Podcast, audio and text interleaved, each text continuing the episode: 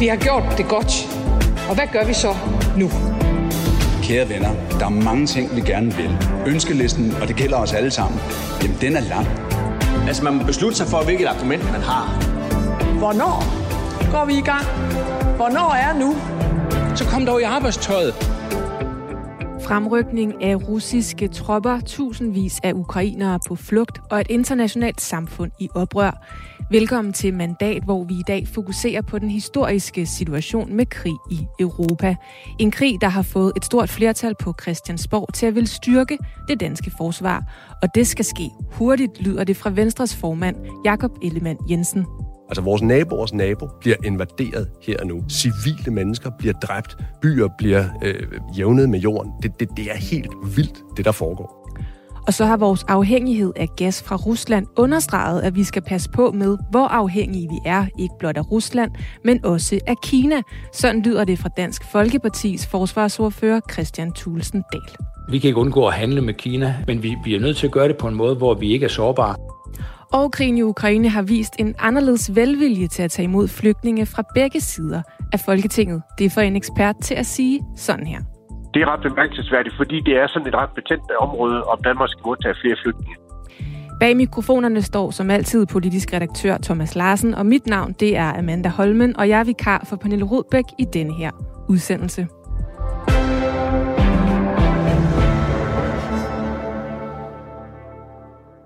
I hele Europa taler politikere om, at vi er midt i en ny og brutal virkelighed.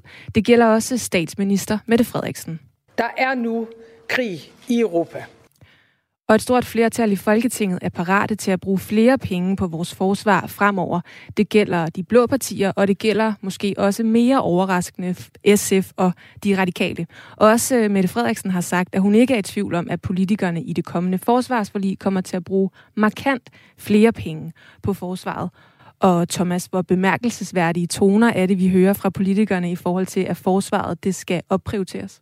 Det er ganske enkelt et historisk skifte, som vi ser ind i. Altså, det handler jo om netop, at øh, Europa er vågnet op til en ny og forfærdende øh, virkelighed, og det får øh, politikerne til at reagere.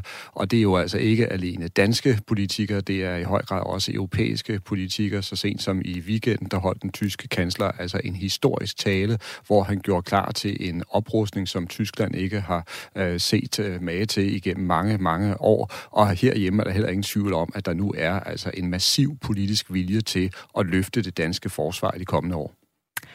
Og det nuværende forsvarsforlig, det løber jo til og med 2023, og derfor så skal der inden da laves en ny øh, aftale for, hvor mange penge forsvaret skal have. Og over for os her på mandat, der gør Venstres formand Jakob Ellemann Jensen det helt klart, at øh, forhandlingerne de bør rykkes frem, og han understreger, at det skal gå hurtigst muligt med at få afsat flere midler til forsvaret. Det her med, at øh, nu var, nu var freden kommet til Europa, nu var vi steget et trin på civilisationens øh, stige, nu vil vi aldrig mere øh, løse konflikter ved at, øh, at bruge vold. Og derfor så, øh, så høstede vi, og, og jeg var selv med på, øh, på den galej, så, så det er ikke for at pege fingre af nogen andre end mig selv. Øh, altså derfor så, så sagde vi, at vi høster en fredsdividende. Vi mener, at vi kan bruge pengene på, på andre ting. Vi indrettede vores forsvar til, til noget andet, til et ekspeditionsforsvar der har virkeligheden øh, desværre indhentet os ved, at, at Putin jo har vist, at, at der er stadigvæk nogen, som tror på, at det er den stærkeste ret, der gælder, at man skal øh, tvinge sin, øh, sine meninger øh, igennem med vold, og at man bare kan, kan tage det, man gerne vil have. Og hvad skulle vi så have gjort? Skulle vi have haft den mentalitet? Altså fordi Rusland har et stærkt militær, så skulle vi have tænkt, at vi skal have et militær, der skal være mindst lige så stærkt, som det Rusland har? Vi skal ikke have den samme mentalitet, øh, fordi den mentalitet, øh, som, som Putin har, er jo den, øh, som, øh, som ham den store bølle i skolegården har. Øh, jeg kan godt huske ham fra, da jeg gik i skole. Øh, altså ham, der, der insisterer på at, at tryne de små, og mobbe dem og tæve dem og tage deres penge, øh, og, og som, øh, som først øh, gør noget ved det, når, når gårdvagten kommer. Øh, det vi skal gøre, det er, at, at vi skal, skal etablere os selv i, i rollen som den gårdmagt, øh, sammen med vores allierede. Og, og, og der, er det ved det, altså, der er jo flere elementer i det her. Der er både sådan det rent øh, nationale, jamen hvad er det, vi skal bygge op her, og så er der øh, det, det, det europæiske og, og NATO-samarbejdet. Men grundlæggende er det jo sådan, at, at hvis, man, hvis, man gerne vil, hvis man gerne vil øh, undgå krig, jamen så skal man øh, forberede sig på den. Øh, jeg foragter krig. Jeg synes, det er det mest afskyelige, der findes. Øh, og det er ikke noget, jeg siger, bare fordi jeg har set det i tv. Det har jeg set i virkeligheden øh, som, øh, som soldat på, øh, på Balkan. Jeg har set, hvad det resulterer i. Jeg har set, øh, hvad det gør ved mennesker. Øh, og og, og det, øh, det, det er det mest grusomme og forfærdelige, jeg har, øh, jeg har set nogensinde og lugtet. Øh, og, øh, og, og det vil jeg gerne undgå. Og hvis man gerne vil undgå det, så skal man opruste ikke for at forberede sig på krig, men for at sikre sig til fred. Øh, og, og, det, og det er en, en træls konstatering, men sådan er det. Hvis du gerne vil undgå et slagsmål, så skal du gøre din modstander klart, at du vil være i stand til at påføre ham en, en lidelse, som er uoverskuelig. Men de fleste partier i Folketinget er jo lige nu enige i, at vi skal opruste ja. det danske forsvar, og hvor meget synes du, vi skal opruste forsvar? Jamen, vi skal øh, leve op til vores NATO-forpligtelse på de, øh, på de 2 procent. Det skal vi jo ikke i morgen øh, af mange årsager, men det skal vi på sigt. Jeg skal nok vende tilbage til, hvorfor det ikke øh, skal være i morgen. Men, men vi skal leve op til vores 2 procent, fordi vi har forpligtet os sammen med de andre NATO-lande til at levere de 2 procent af bruttonationalproduktet til forsvar. Det er rigtig mange penge. Men hvis ikke det handler også, altså en ting er, at det handler om, om de konkrete kapaciteter, men det handler også om signalgivningen i, hvis ikke vi øh, som land vil bruge midlerne på vores egen sikkerhed, så kan vi helt ærligt heller ikke forvente, at andre lande skal gøre det. Men hvordan skal vi kunne det? Fordi det skønnes jo også på nuværende tidspunkt, at hvis vi skal nå op på 2% mm. af BNP, så vil det svare til en estimeret merudgift på 17,9 milliarder kroner ja. i 2030. Altså, hvordan skal vi kunne skaffe de penge? I en økonomi, som hvert år er på 1.100 milliarder, så tror jeg nok, det kan lade sig gøre. Men på bekostning af hvad? Jamen, altså, det her, det er jo ikke noget, som, som jeg sagde, jeg vil vende tilbage til før, altså det her, det er jo ikke noget, vi skal øh, gøre til næste år. Fordi øh, det er en meget stor økonomisk øh, ændring, som skal ske, og fordi hvis du poster øh, knap 18 milliarder ekstra ned i forsvaret øh, i morgen, og siger, hej, øh, gå ud og køb nogle kampvogne, så, så bliver det ikke den mest effektive måde at gøre det på. Vi skal jo, altså det her, det handler også om, at du skal indkøbe materiel, du skal øh, sige, jamen, hvad skal vi bruge på cyber, hvad skal vi bruge på Arktis, hvad skal vi bruge på, og så videre, så videre, så videre. Øhm, og, og du skal indkøbe materiel, du skal uddanne personel, du skal også have øh, nogle af de dygtige unge mennesker, øh, dygtige unge officerer, som har forladt forsvaret. Øh, dem skal du også have motiveret til at vende tilbage igen. Jeg tror, den bedste motivation, øh, de kan få, det er vi har faktisk tænkt os at prioritere det her øh, politisk. Vi har faktisk tænkt os at bruge flere midler på det her. Vi har faktisk tænkt os at give nogle øh, soldater til jer, som I skal uddanne. Fordi det er det, øh, som de mennesker er, øh, er sat i verden for. Øh, og vi skal nå det her.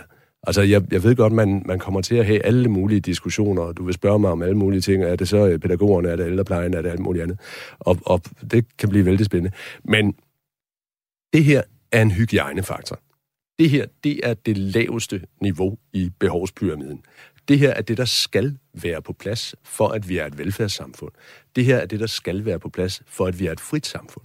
Men hvis så hvis det... ikke det her, det er der, så er det en spændende og en meget teoretisk diskussion, vi har om resten. Så det her, det kan vi godt. Vi skal ikke gøre det på bekostning af velfærden vi har jo sagt, altså det, det er jo ikke øh, synspunktet fra min side om de 2 procent, det er jo ikke, der er opstået på grund af, af Ruslands invasion af Ukraine. Det har jeg ment i lang tid, det her. Øh, og jeg har også tænkt mig at finansiere det, og jeg har også tænkt mig at finansiere det, mens jeg samtidig står inden for, at vi skal øh, have det velfærd, vi har. Vi skal kunne følge med den demografiske udvikling, og det mener jeg godt, at vi kan. Men det gør vel ikke noget, at det er på bekostning af velfærd, hvis du, som du siger, at det er fundamentet for, at vi overhovedet har et velfærds, en velfærdsstat, at vi kan forsvare vores stat. Så er det vel i orden, at det bliver på bekostning af noget velfærd, at vi tilfører Jamen, flere ressourcer. Men det behøver det ikke at være.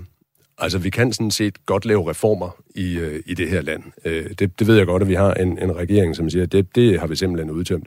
Øh, fordi nu mener vi, at Arne han skal på pension osv. osv. Vi, vi har mulighed for at, at justere på nogle ting i vores land. Øh, og, og vi har også et økonomisk råderum fremadrettet. Og de ting, dem, dem skal vi udnytte til at kunne leve op til de her 2%, Fordi, altså, vi skal gøre det inden for en... Øh, overskuelig overrække. Hvad mener jeg så med det? Altså, øh, jeg mener jo øh, tydeligvis ikke, at det er til næste år. Jeg mener heller ikke lige det om fem år. Men jeg mener, at når vi skal i gang med de her forsvarsforlisforhandlinger, og dem skal vi i gang med nu, og jeg begriber ikke, hvorfor regeringen ikke indkalder til dem. Jeg forstår det simpelthen ikke. Dem skal vi i gang med nu.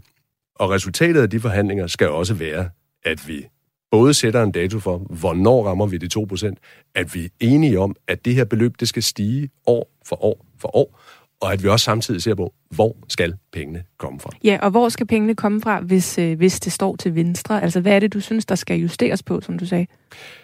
Jeg synes, der er mange ting, vi kan justere på. Og, og, og jeg forstår godt også behovet for at sige, jamen, hvor, hvor er det konkret henne? Hvad er det, I vil gøre? Vil I gøre dit? Vil I gøre det? Det forstår jeg godt. Og det kommer jeg til at lægge frem inde i forhandlingslokalet. Og jeg kommer ikke til at have den debat øh, i det offentlige. Jeg kommer til at have den inde i det forhandlingslokale, som jeg håber, at jeg kommer ind i hurtigst muligt. Jeg har en øh, meget, meget stor respekt for det her. Øh, jeg har en meget, meget øh, stor forståelse for, i al beskedenhed, hvor vigtigt øh, det her er. Men øhm, hvorfor så ikke komme med en plan, hvor man siger, at vi er nødt til at prioritere de her ressourcer til det her, fordi det er simpelthen vigtigt? Fordi jeg vil sige, en af de øh, erfaringer, jeg har gjort mig øh, som, som formand for Venstre, det er, at, at øh, træklatring ikke nødvendigvis er super positivt. Øhm, ja, jeg, jeg mener, at jeg kan anskueliggøre, hvor de her penge de skal komme fra. Og jeg mener også, at, at vi kan præsentere en plan for det her. Jeg synes i al fairness, at jeg øh, vil bringe den plan ind til bordet, øh, teste den af på mine kolleger, øh, i stedet for at, øh, at gøre det i fuld offentlighed. Fordi det, øh, det skaber lidt nogle gange nogle, øh, nogle modsætninger, som ikke nødvendigvis øh, er, øh, er brugbare. Men det er vel også en måde at vise vælgerne, hvordan øh, Venstre vil prioritere. Der er jo ikke nødvendigvis en, øh, en lighed mellem at klatre i træer, som du siger, og så præsentere, hvordan man synes, en plan bør finansieres. Men altså, det jeg siger til dig, og, og jeg kommer nok ikke til at, at variere mit svar øh, voldsomt, det er, vi vil op på de 2%. Vi vil prioritere danskernes frihed, danskernes sikkerhed, danskernes muligheder. De 2% er forudsætningen for det. Og alle ansvarlige partier vil gøre det. Altså, og, og jeg hører sådan set, jo, ja, selvfølgelig er der nogen, der ikke vil, men de lever i en anden verden. Altså, jeg, jeg, jeg mener, at vi skal sætte os sammen og finde en model for det her. Og det er derfor, jeg også siger, at jeg er bekymret for, at, øh, at fraskrive mig nogle muligheder, hvis jeg melder bestand ud nu, og derfor kommer jeg ikke til det. Og det kan vi godt tale om det næste kvarters tid, men så bliver det ikke en super kedelig udsendelse. Og hvad tænker du så, Jacob Ellemann, de øh, ekstra milliarder, der så skal findes, altså ja. hvad er det helt konkret, de skal bruges på i forsvaret? Hvor er det det danske forsvar, det skal styrkes? Jamen, det er det på, på, øh, på en række områder. Altså, øh, det man øh, har hørt meget om i medierne øh, her i den seneste tid, er jo det, at man har samlet en kampbataljon i Slagelse. Og det må man jo forstå på mediedækningen, at det er en super slagkraftig styrke, som jo øh, simpelthen har en størrelse, som er helt øh, eksorbitant. Det er en slagkraftig styrke. Men det er altså ikke... Altså, øh, jeg, jeg har selv gjort tjeneste i Slagelse øh, som, som officer. Der, der var vi en panserbataljon hver eneste dag øh, dernede. Nu har man under, øh, under en situation, hvor der er krig i Europa, samlet en bataljon dernede, og mener, det er helt ekstraordinært. Dengang var vi altså en brigade, der var på fem dages øh, beredskab. En brigade, det er, det er en 3-4 gange større end en bataljon. Vi har brug for at løfte vores kapaciteter. Vi har en brigade under opbygning i Danmark. That's it. Det bliver vi nødt til at, øh, at forstærke. Vi bliver nødt til at forstærke værnepligten. Så skal vi også øh, løfte vores cyberkapacitet, fordi cyber fylder utrolig meget, og det er dyrt, fordi det er øh, super kvalificerede mennesker, der sidder med det her. Vi ved, at øh, russerne, vi ved, at Putin øh, har meget, meget store kapaciteter på det her område, øh, og, og at man vil være i stand til at lægge en infrastruktur ned øh, relativt hurtigt. Øh, det skal vi øh, kunne imødegå så har vi en særlig forpligtelse i forhold til Arktis, som jo, øh, som, som jo både ved, ved klimatiske forhold, men jo også ved sin udstrækning gør, at det er, er ganske store ressourcer, der skal til her. Og, og så skal vi have fortsat den transformation, som du har lavet fra, fra det her ekspeditionsforsvar, hvor vi er draget ud under, under varme himmelstrøg, øh, under frihedens banner, til at sige, det er Østersøen, øh, det drejer sig om nu. Det er vores, øh, vores nærområde, som, som er det relevante. Så der er en masse ting, du skal justere, du skal kalibrere i forsvaret. Der er en masse ting, hvor du skal sige, hvor, hvor bruger vi øh, pengene klogest? Og, og jeg mener, at de her områder er, er nogle af dem, man skal komme ind på. Og hvilken rolle er det, du ser, EU skal spille, og hvorfor er det, du ser vores øh, EU-forbehold, vores, øh, ja, hvorfor mm. er det, du ser det som en hindring? Øh, where to begin? Altså, lad, lad mig lige starte et andet sted, fordi vi, vi har en situation nu, hvor Putin har invaderet fuld skala et europæisk land. Altså vores naboers nabo bliver invaderet her og nu. Civile mennesker bliver dræbt. Byer bliver øh, jævnet med jorden. Det, det, det er helt vildt, det der foregår. I den situation, der har vi en regering, som siger, Europa er i krig, vi vil ikke være med i det europæiske forsvarssamarbejde. Hvad skal der så til? Altså, hvis ikke man vil være med nu, hvornår så? Altså, jeg, jeg, jeg forstår simpelthen ikke den uansvarlighed. Vi... Men hvilken hindring har det? Altså, fordi vi har jo trods alt NATO, vi er en del af NATO, og vi ja. opruster via NATO. Og NATO er fremragende, og jeg har selv været udsendt med NATO, og det er alle tiders. NATO er garanten for vores sikkerhed. USA er garanten for vores sikkerhed. For nylig, der havde vi en præsident i USA, der hed Donald Trump. Jeg er relativt glad for, jeg er faktisk på alle måder glad for, at det ikke er ham, der er præsident mere. Men særligt, når det her sker i Ukraine, og han stiller sig op og siger, at han synes, Putin er en fantastisk mand, og han er klog. Øhm, altså, det er, jo ikke, det er jo ikke sådan fuldstændig ude i hampen at forestille sig en situation, hvor han bliver præsident igen. Det, det synes jeg godt, at vi kunne være lidt forudseende i forhold til. Og så må jeg sige, jamen hvad gør det af forskel? Ja, altså så sent som i sidste uge, der kunne vi jo læse på alle tingene, der var en EU-træningsmission af ukrainske styrker, hvor man siger, e at EU skal hjælpe til med at uddanne de her soldater, som lige nu slås mod Putins overmagt. Dem skulle EU være med til at uddanne. Det kunne Danmark desværre ikke være med til, for vi har et forsvars, forsvarsforbehold. Vi vil sandelig ikke være med. Jeg, jeg, jeg synes simpelthen ikke, at det tjener Danmarks interesser. Det at sige, at vi som et lille land med de her mellem, mellem 5,5 og 6 millioner indbyggere, at vi er meget bedre tjent ved at stå for os selv, det, det er jeg simpelthen uenig i. Og det at have et forsvarssamarbejde i NATO, eller i, i øh, Europa, er jo ikke en modsætning eller et alternativ til NATO. Det er et supplement. Og Jacob Ellemann, bare lige til sidst, altså uanset hvordan det, vi kommer til at opruste, uanset hvor mange milliarder vi kommer til at bruge fra dansk mm. side og fra andre øh, NATO-landes side, er det så overhovedet realistisk, at NATO vil kunne komme til at opruste så meget og så hurtigt, at vi vil være Ruslands ligemænd? Ja, det skal vi nok blive. Øh, vi, vi bliver det ikke til næste år. Vi bliver det heller ikke til næste år igen. Altså, øh, vi, vi er i den grad en, en ligeværdig modstander, men det er under forudsætningerne, øh, eller under forudsætninger af amerikanernes inddragelse. Men vi skal opbygge den her kapacitet, og, og, og fordi ellers så, øh, så, så løber du tør for konventionelle svar på, på konventionelle angreb, og det er ikke hensigtsmæssigt. Men er du bekymret, og er du bekymret over den situation, vi står i lige nu, og den trussel, der eventuelt måtte være fra russisk side mod jeg, Europa? Jeg er, øh, jeg er dybt bekymret over det. Jeg er forfærdet over den situation, som vi har i, i Ukraine. Jeg synes, det er, øh, det er meget, meget øh, voldsomt at se. Øh, krig er altid voldsomt, men det at se krig steder, der ligner steder, vi bor. Og jeg, jeg havde aldrig nogensinde forestillet mig, at, at man skulle have et Europa i krig igen i min levetid. Øh, at, at, at skulle øh, tale med mine børn om det her, synes jeg er helt afsindigt. Ja, sådan lød det altså fra Venstres formand, Jakob Ellemann Jensen og Thomas. at det er realistisk, det her med, at Danmark rent faktisk kommer til at opnå NATO-målsætningen om at bruge 2% af BNP på forsvaret inden for den nærmeste fremtid? Jeg er helt overbevist om, at vi øh, kommer til at se politikere, der virkelig lægger sig i scenen for at leve op til den øh, målsætning i, i NATO-regi. Og det er vel at mærke et meget bredt politisk flertal, altså der vil øh, gå efter at få, øh, få opfyldt øh, den øh, målsætning. Så spørger du, er det her og nu, eller er det en umiddelbar øh, fremtid?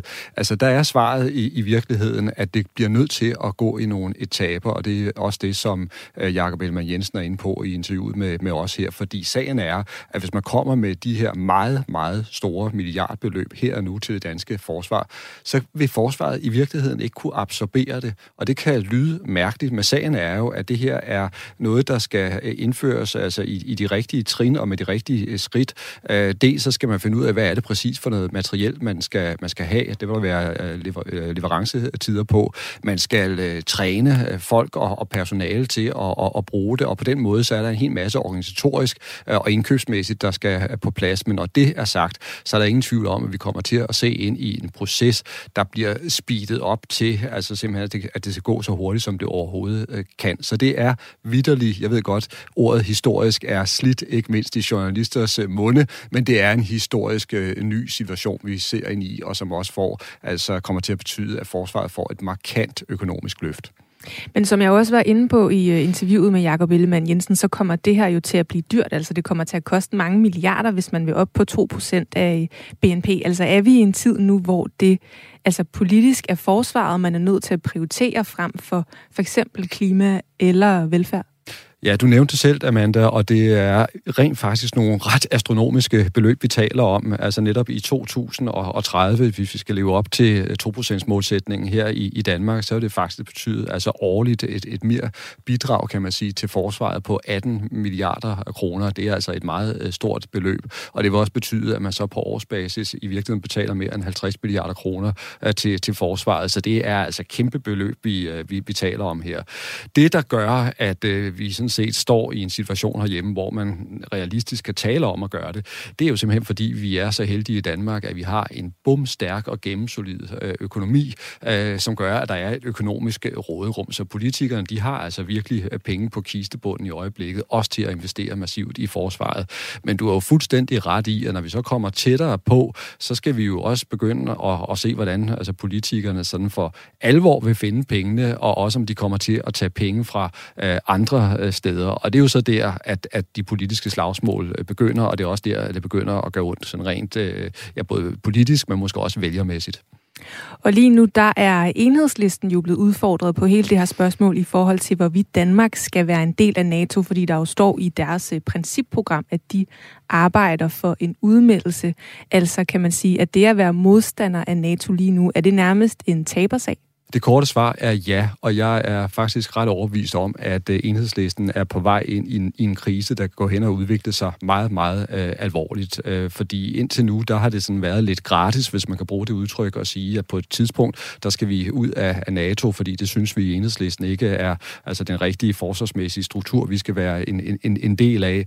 Og så til her i dag, hvor det lige pludselig er tydeligt for en hel verden, at, at NATO spiller en kæmpe rolle i forhold til at samle øh, Vesten, og i forhold til øh, også at have et modsvar over for en diktator, eller kan man sige despot som, øh, som, som Putin.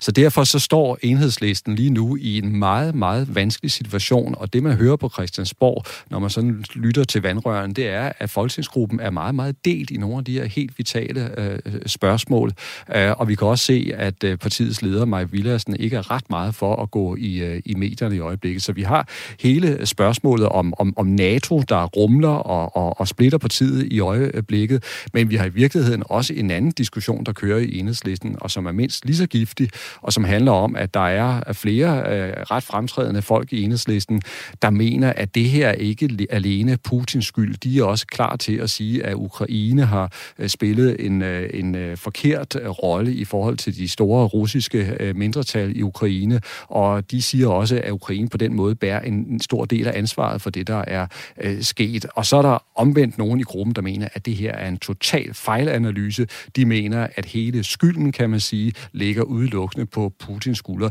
Så det er nogle meget, meget store spørgsmål, de slår sig om i øjeblikket. Og hvad er det, ja, det er nogle store spørgsmål, siger du? Altså, hvor problematisk tænker du, at det kan blive for enhedslisten?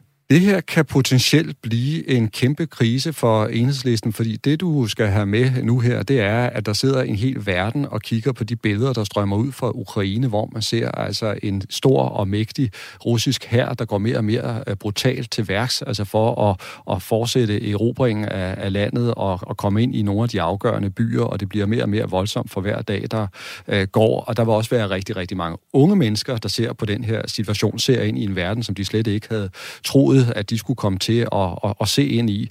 Og der bliver det jo meget, meget afgørende, hvor et parti står henne i forhold til den her konflikt. Og der kan enhedslisten risikere, at hvis der for eksempel er mange vælgere, og måske også unge vælgere, der synes, at enhedslisten er på vej til at placere sig forkert politisk, så kan de blive straffet.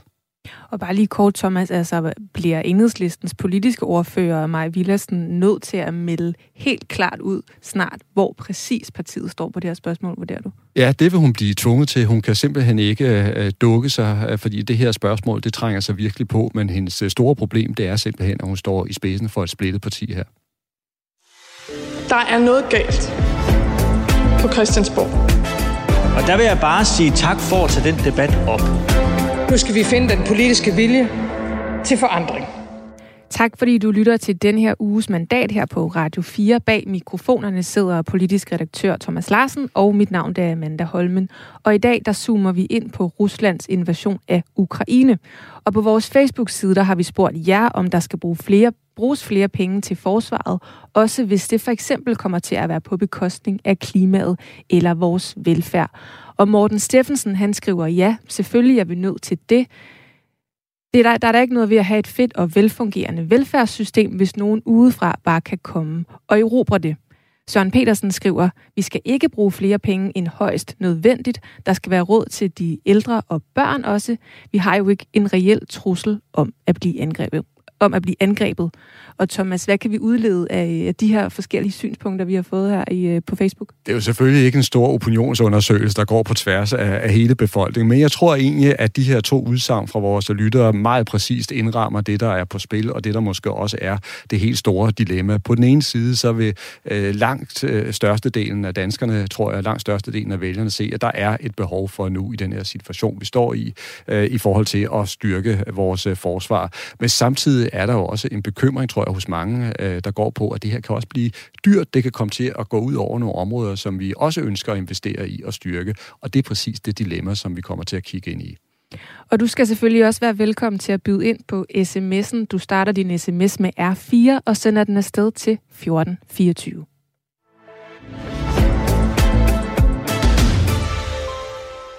En del af debatten herhjemme lige nu går også på, at vi i Europa og Danmark er blevet alt for afhængige af gasleverancer fra Rusland. Og mange partier vil gerne have, at vores import af russisk gas bliver begrænset. Men så skal vi jo have vores energi et andet sted fra. Og Thomas, altså står politikerne her i Danmark og i EU generelt med et problem, fordi vi får gas fra Rusland? Ja, vi står ganske enkelt med et kæmpe problem, og også et problem, der er kommet bag på rigtig mange øh, politikere. Man har simpelthen undervurderet, hvor farligt øh, det har været for øh, Europa, og også i virkeligheden for Danmark, at gøre sig så øh, afhængig af energileverancer fra Rusland. Så på den måde kan man sige, at vi sidder i energisaksen lige nu. Og Christian Tulsendal, der er tidligere formand for Dansk Folkeparti og nuværende forsvarsordfører for partiet, han mener, at vi har begået en fejl ved at gøre os afhængige af russisk gas. Vi har gjort os meget afhængige, specielt når det handler om gas og olie, øh, og, og hvor altså over 40 procent af, af EU's øh, gasforsyning kommer fra, fra Rusland, og det siger jo sig selv, at, øh, at når man er så afhængig af, af Rusland, så er det også meget svært at stille sig op imod dem med den tilstrækkelige kraft, når, når man så virkelig har behov for det. Og synes Dansk Folkeparti altså også, at vi her på kort sigt som Danmark altså skal fra den ene af til den anden lukke fra den gas, som vi får fra Rusland?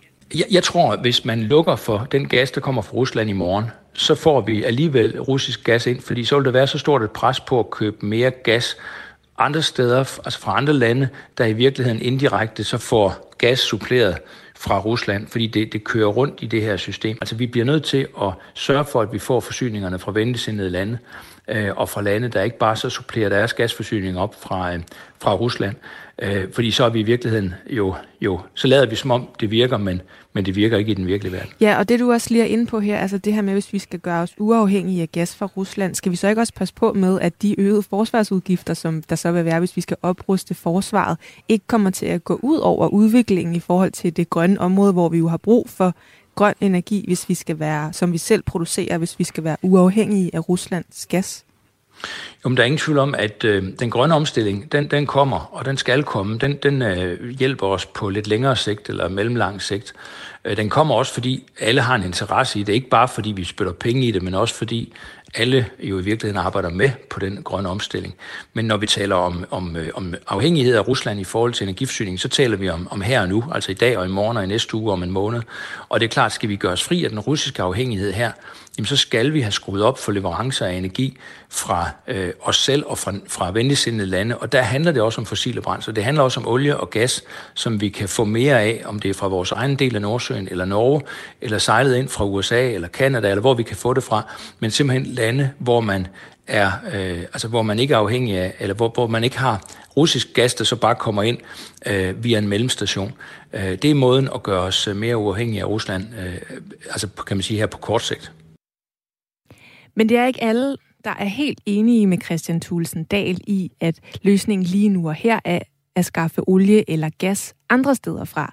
Connie Hedegaard, der er formand for den grønne tænketank Concito, mener, at de løsninger, vi skal finde nu, skal gå hånd i hånd med vores klimaambitioner vi øjeblikkeligt fokuseret langt stærkere på energieffektivitet. Altså det er jo sådan set det, man kan gøre med kort varsel. Der er mange ting. Vi har jo selv hørt det også her til, til morgen, at danske virksomheder, de er jo i gang med nu at finde ud af, hvordan kan vi lave om på vores produktion, og hvad kan vi gøre, hvor kan vi, øh, kan vi finde nogle smarte alternative løsninger. Det kan vi også i husholdningerne, og jeg ser, at der er mange lavt hængende frugter stadigvæk, når det gælder energieffektivitet. Det er der i Europa, men det er der altså også i Danmark. Ja, og EU-kommissionen de vil i første omgang sætte et arbejde i gang med at forenkle regler og processer, så der hurtigere kan opføres vedvarende energi, lyder det. Og Thomas, tror du, at Christian Thulsen Dahl han får ret i, at vi bliver nødt til i en periode at satse mere på fossile brændsler for at få dækket vores energibehov? Ja, nu er jeg jo ikke øh, energiekspert, men det tror jeg faktisk sagtens, han kan få ret i, og det er også signaler, man hører fra andre politikere på Christiansborg, at, øh, at det kan simpelthen blive nødvendigt i en periode at gribe til de løsninger. Men ellers så tror jeg også, som Christian Tusinddal er inde på, og som især også Connie Hedegaard er inde på, at det, det faktisk også bliver vigtigt at fortsætte den øh, grønne øh, omstilling med, med enorm kraft, fordi det kan netop være vejen til på så lidt længere sigt at frigøre sig fra den afhængighed, vi har af Rusland i, øh, i dag. Og det er helt tydeligt, at det er blevet blevet en pointe, der står endnu klarere for politikerne i dag.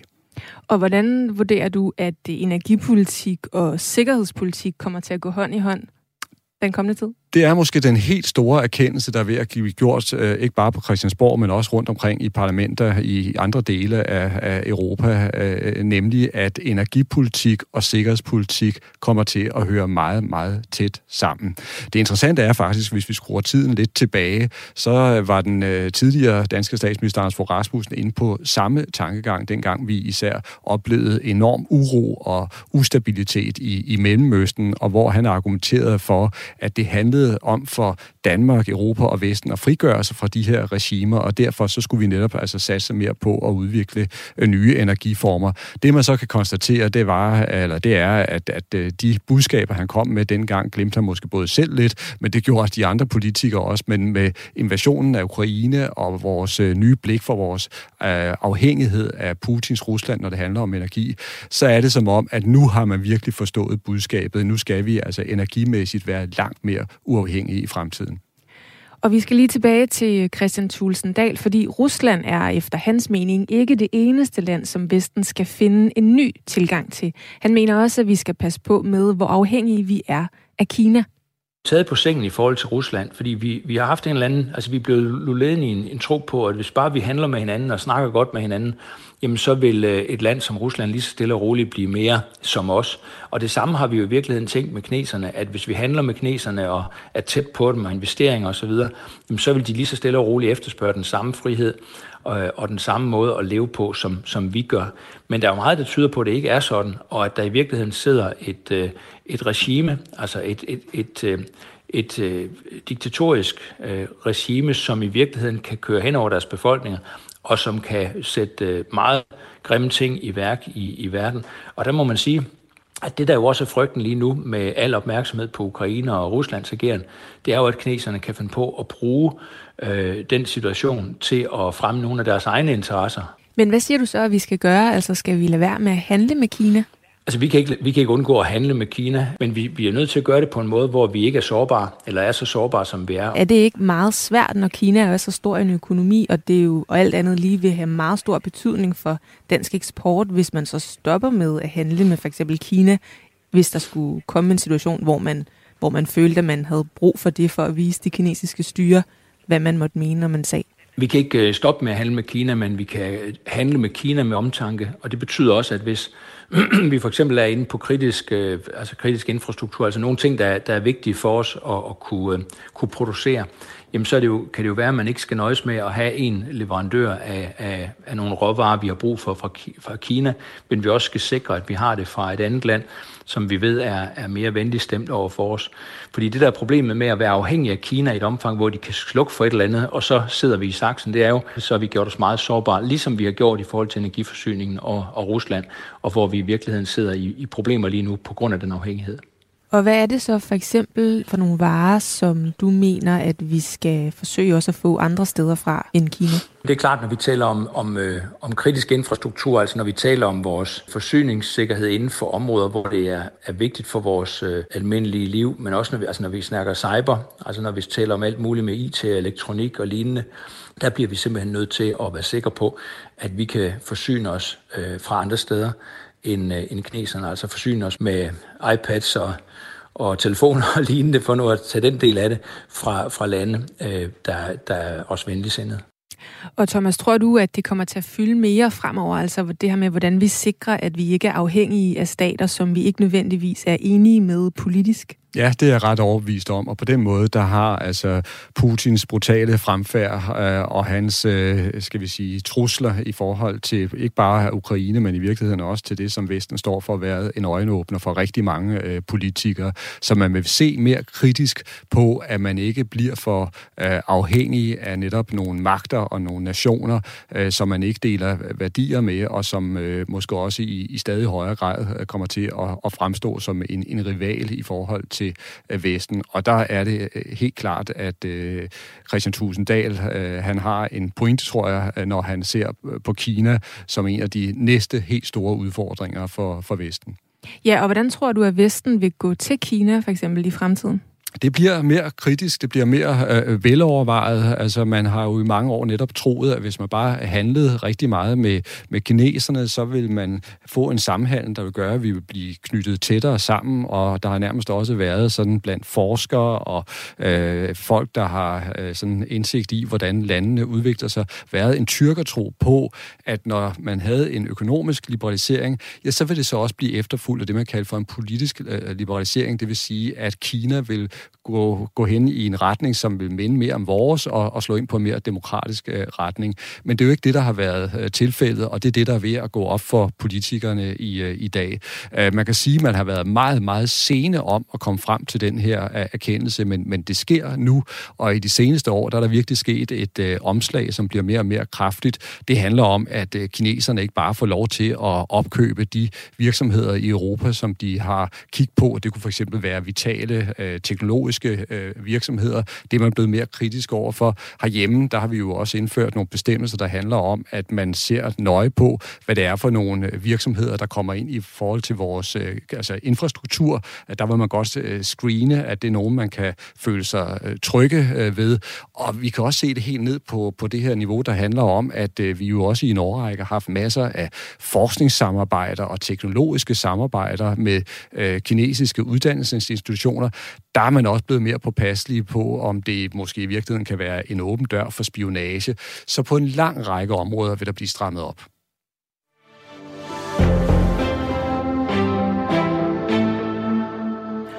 Og som ved et trylleslag nærmest har krigen i Ukraine ændret tonen i flygtningedebatten. På Christiansborg byder et stort flertal de ukrainske flygtninge velkommen her i Danmark, blandt andet med begrundelsen, at Ukraine er vores nærområde.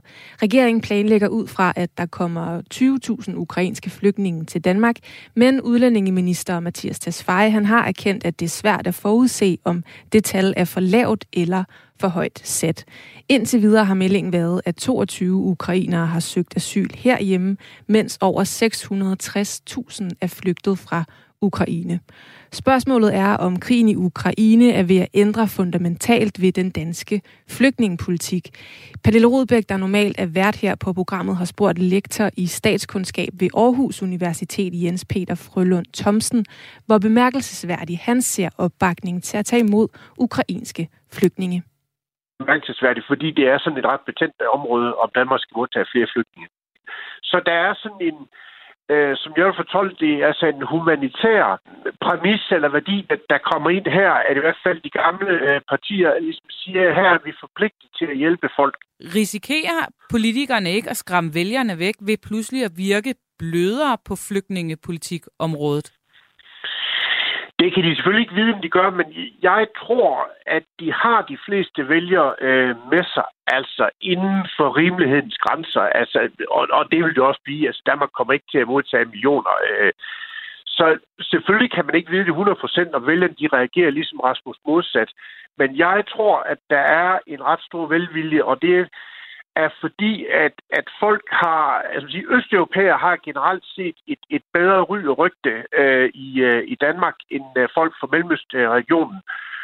Og så også det her med politikerne, det som understreger, altså det er et nærområde, det kan man så diskutere, om det er, men altså der er nogle andre overvejelser omkring det, øh, som igen bidrager til, at, at vælgerne ligesom ikke vil opfatte det som, øh, som specielt farligt for, for dansk kultur og sammenhængskraft osv.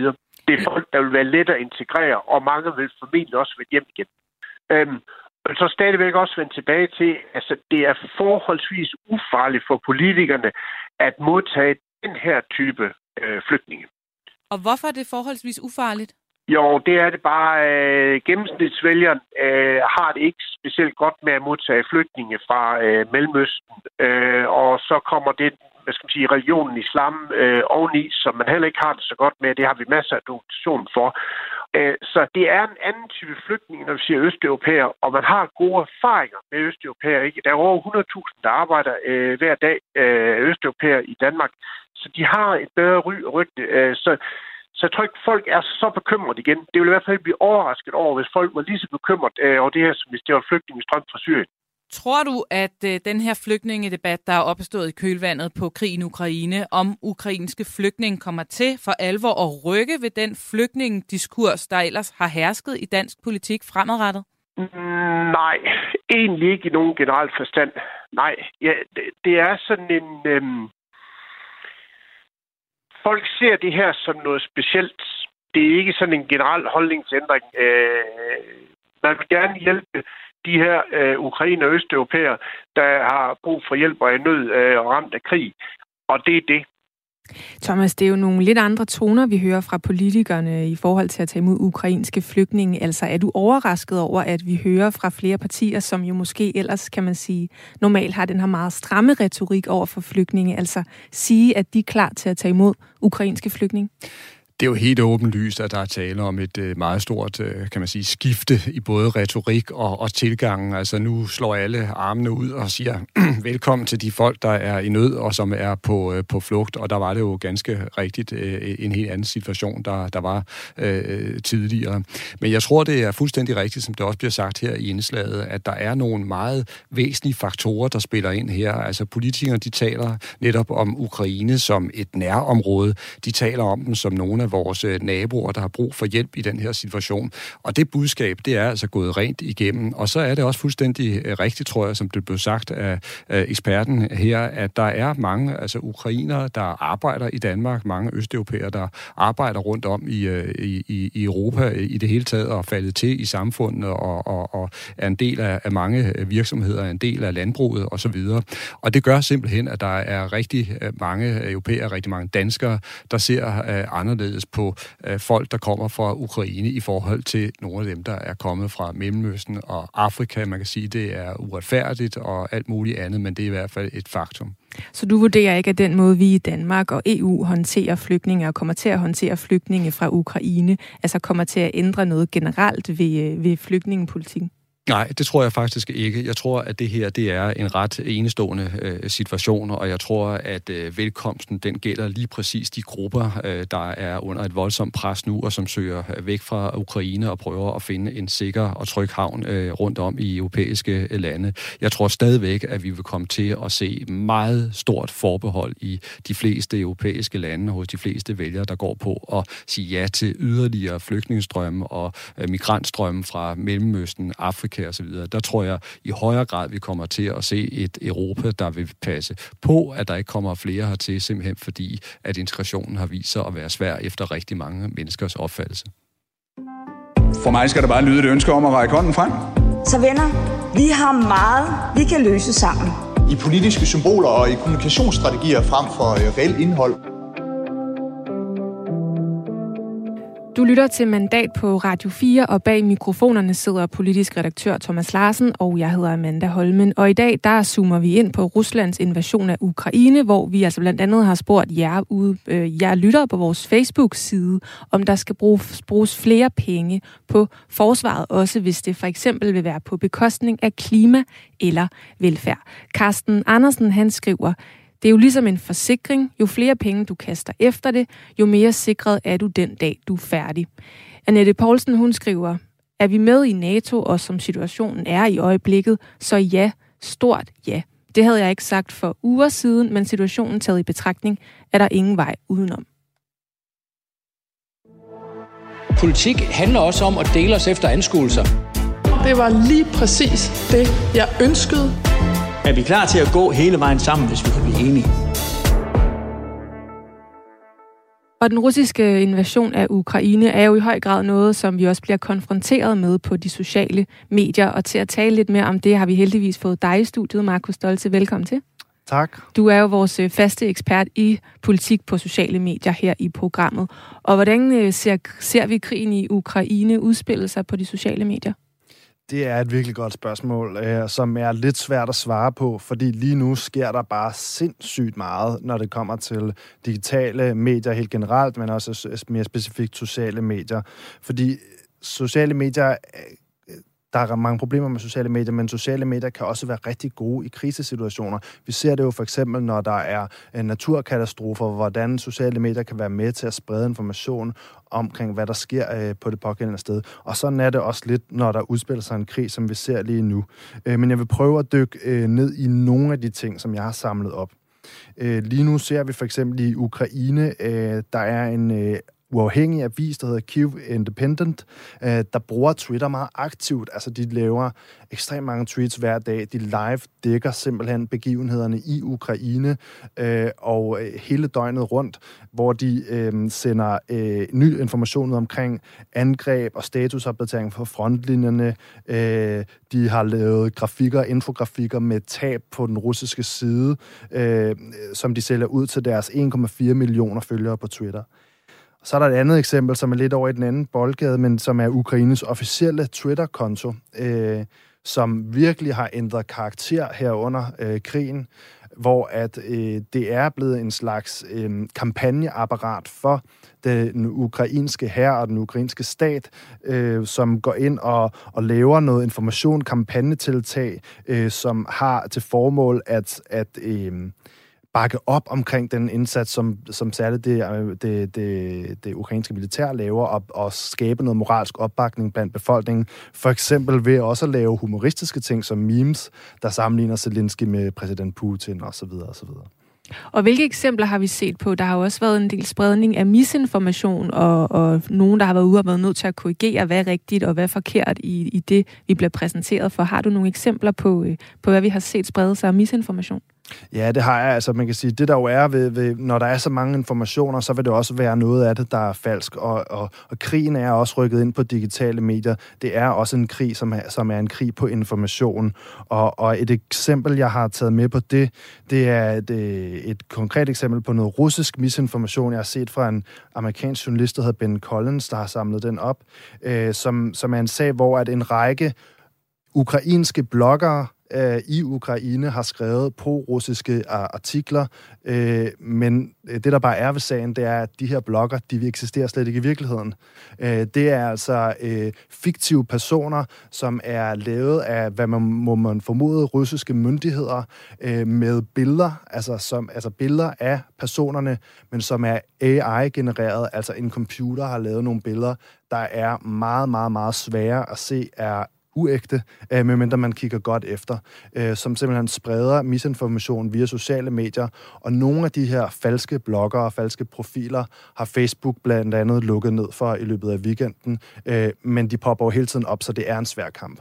Ja, nu er du lidt inde på, at Facebook har lukket ned for nogle af de her blogger og falske blogger. Altså, hvad har vi ellers generelt set, at tech-giganterne har gjort for at prøve at håndtere den her situation? Jamen, udover at de er gået ind og lukket ned for nogle af de her øh, falske profiler og så videre, øh, så, så har vi også set, at, at øh, Meta, altså virksomheden bag Instagram og Facebook, her i weekenden blandt andet har gået ned øh, og lukket ned for øh, russisk stat, russiske statsejede medier i Europa. Vi har jo blandt andet øh, RT, som står for Russian Times, øh, som er et, en nyhedsmedie, der skriver på engelsk og andre europæiske sprog, øh, og som laver pro-russiske nyheder til et europæisk publikum.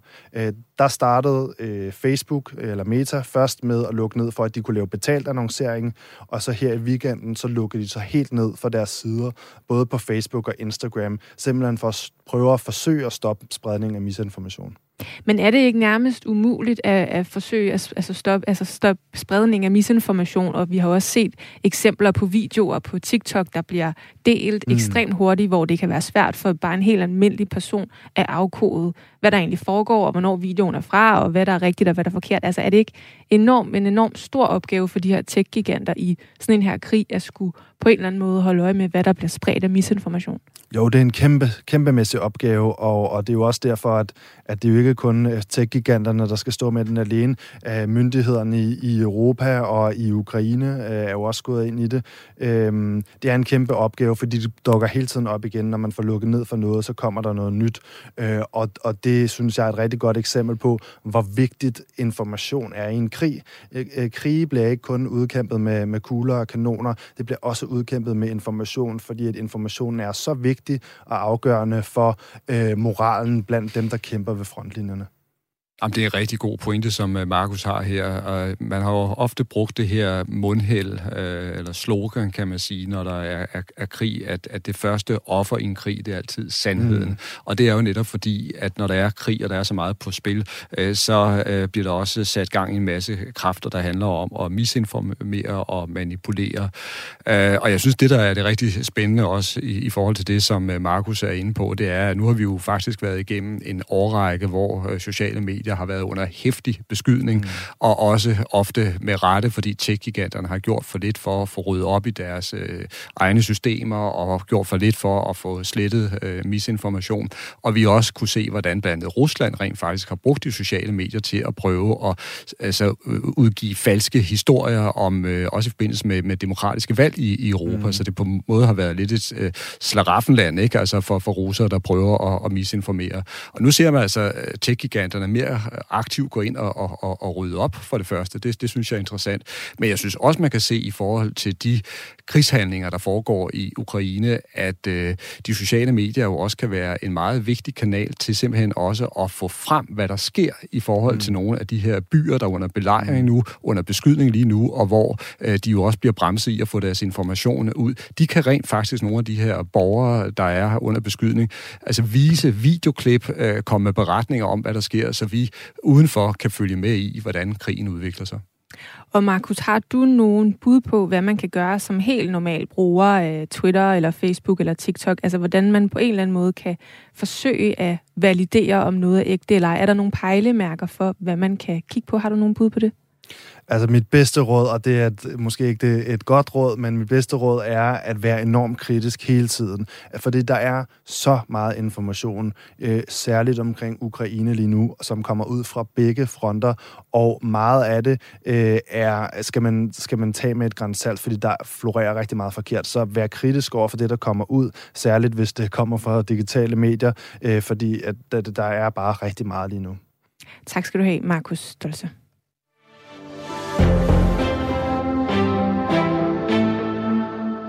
Og vi er så småt ved at være færdige for mandat i dag, men vi har lige et par minutter tilbage, Thomas, og kan du øh, gøre os klogere på, hvad vi kan forvente, der kommer til at ske politisk den kommende tid?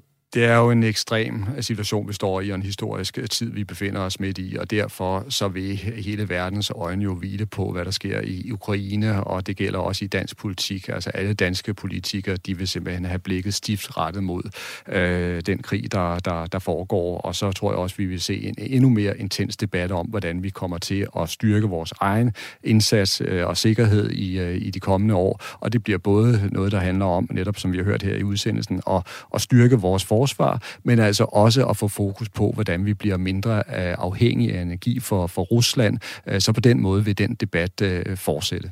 Og hvordan tror du, presset vil være på regeringen i forhold til det her med, at der skal, at, som vi også hørte Jacob Ellemann fra Venstre sige tidligere, at de vil gerne have genåbnet forhandlingerne om forsvarsforliget. Altså, hvor meget pres tror du, der vil være på regeringen for at rykke forhandlingerne frem? Jamen, jeg tror, der vil komme et øh, stigende pres på regeringen om, at nu skal man simpelthen komme øh, i gang, øh, mens den her øh, krise udfolder sig, og nu bliver man nødt til at, at handle hurtigt.